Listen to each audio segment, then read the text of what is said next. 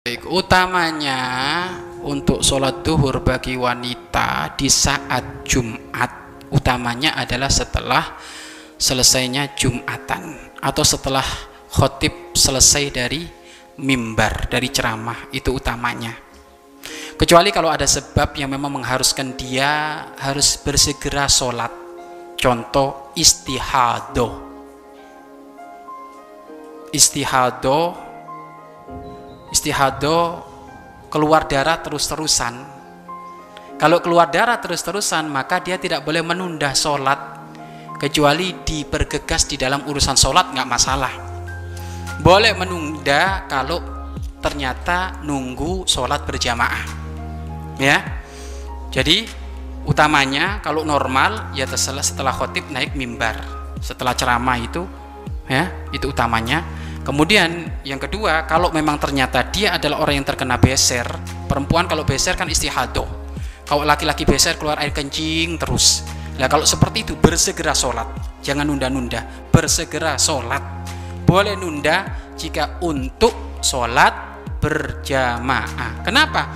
Karena biasanya mohon maaf kalau lagi istihado, kalau ternyata ada momen nggak keluar darah, setelah sudah dibersihkan, Iya kan? Maka momen itu segera diambil untuk sholat. Karena kalau momen ini kelewat nanti keluar darah lagi, dibersihkan lagi seperti itu.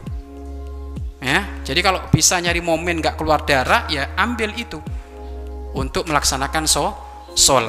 Tetapi kalau sekarang Pak Ustadz nggak bisa pas saat keluar darah terus ya sudah yang penting bersihkan dulu, bersihkan di saat sholat keluar darah dimaafkan, atau di saat sholat keluar kencing dimaafkan karena be beser ya orang yang sholat dalam keadaan daimul hadas hadasnya terus-terusan ya daimul hadas. Makanya sebisa mungkin agar supaya tidak masuk wilayah daimul hadas itu mohon maaf kalau kencing yang benar. Makanya jangan biasa nahan kencing.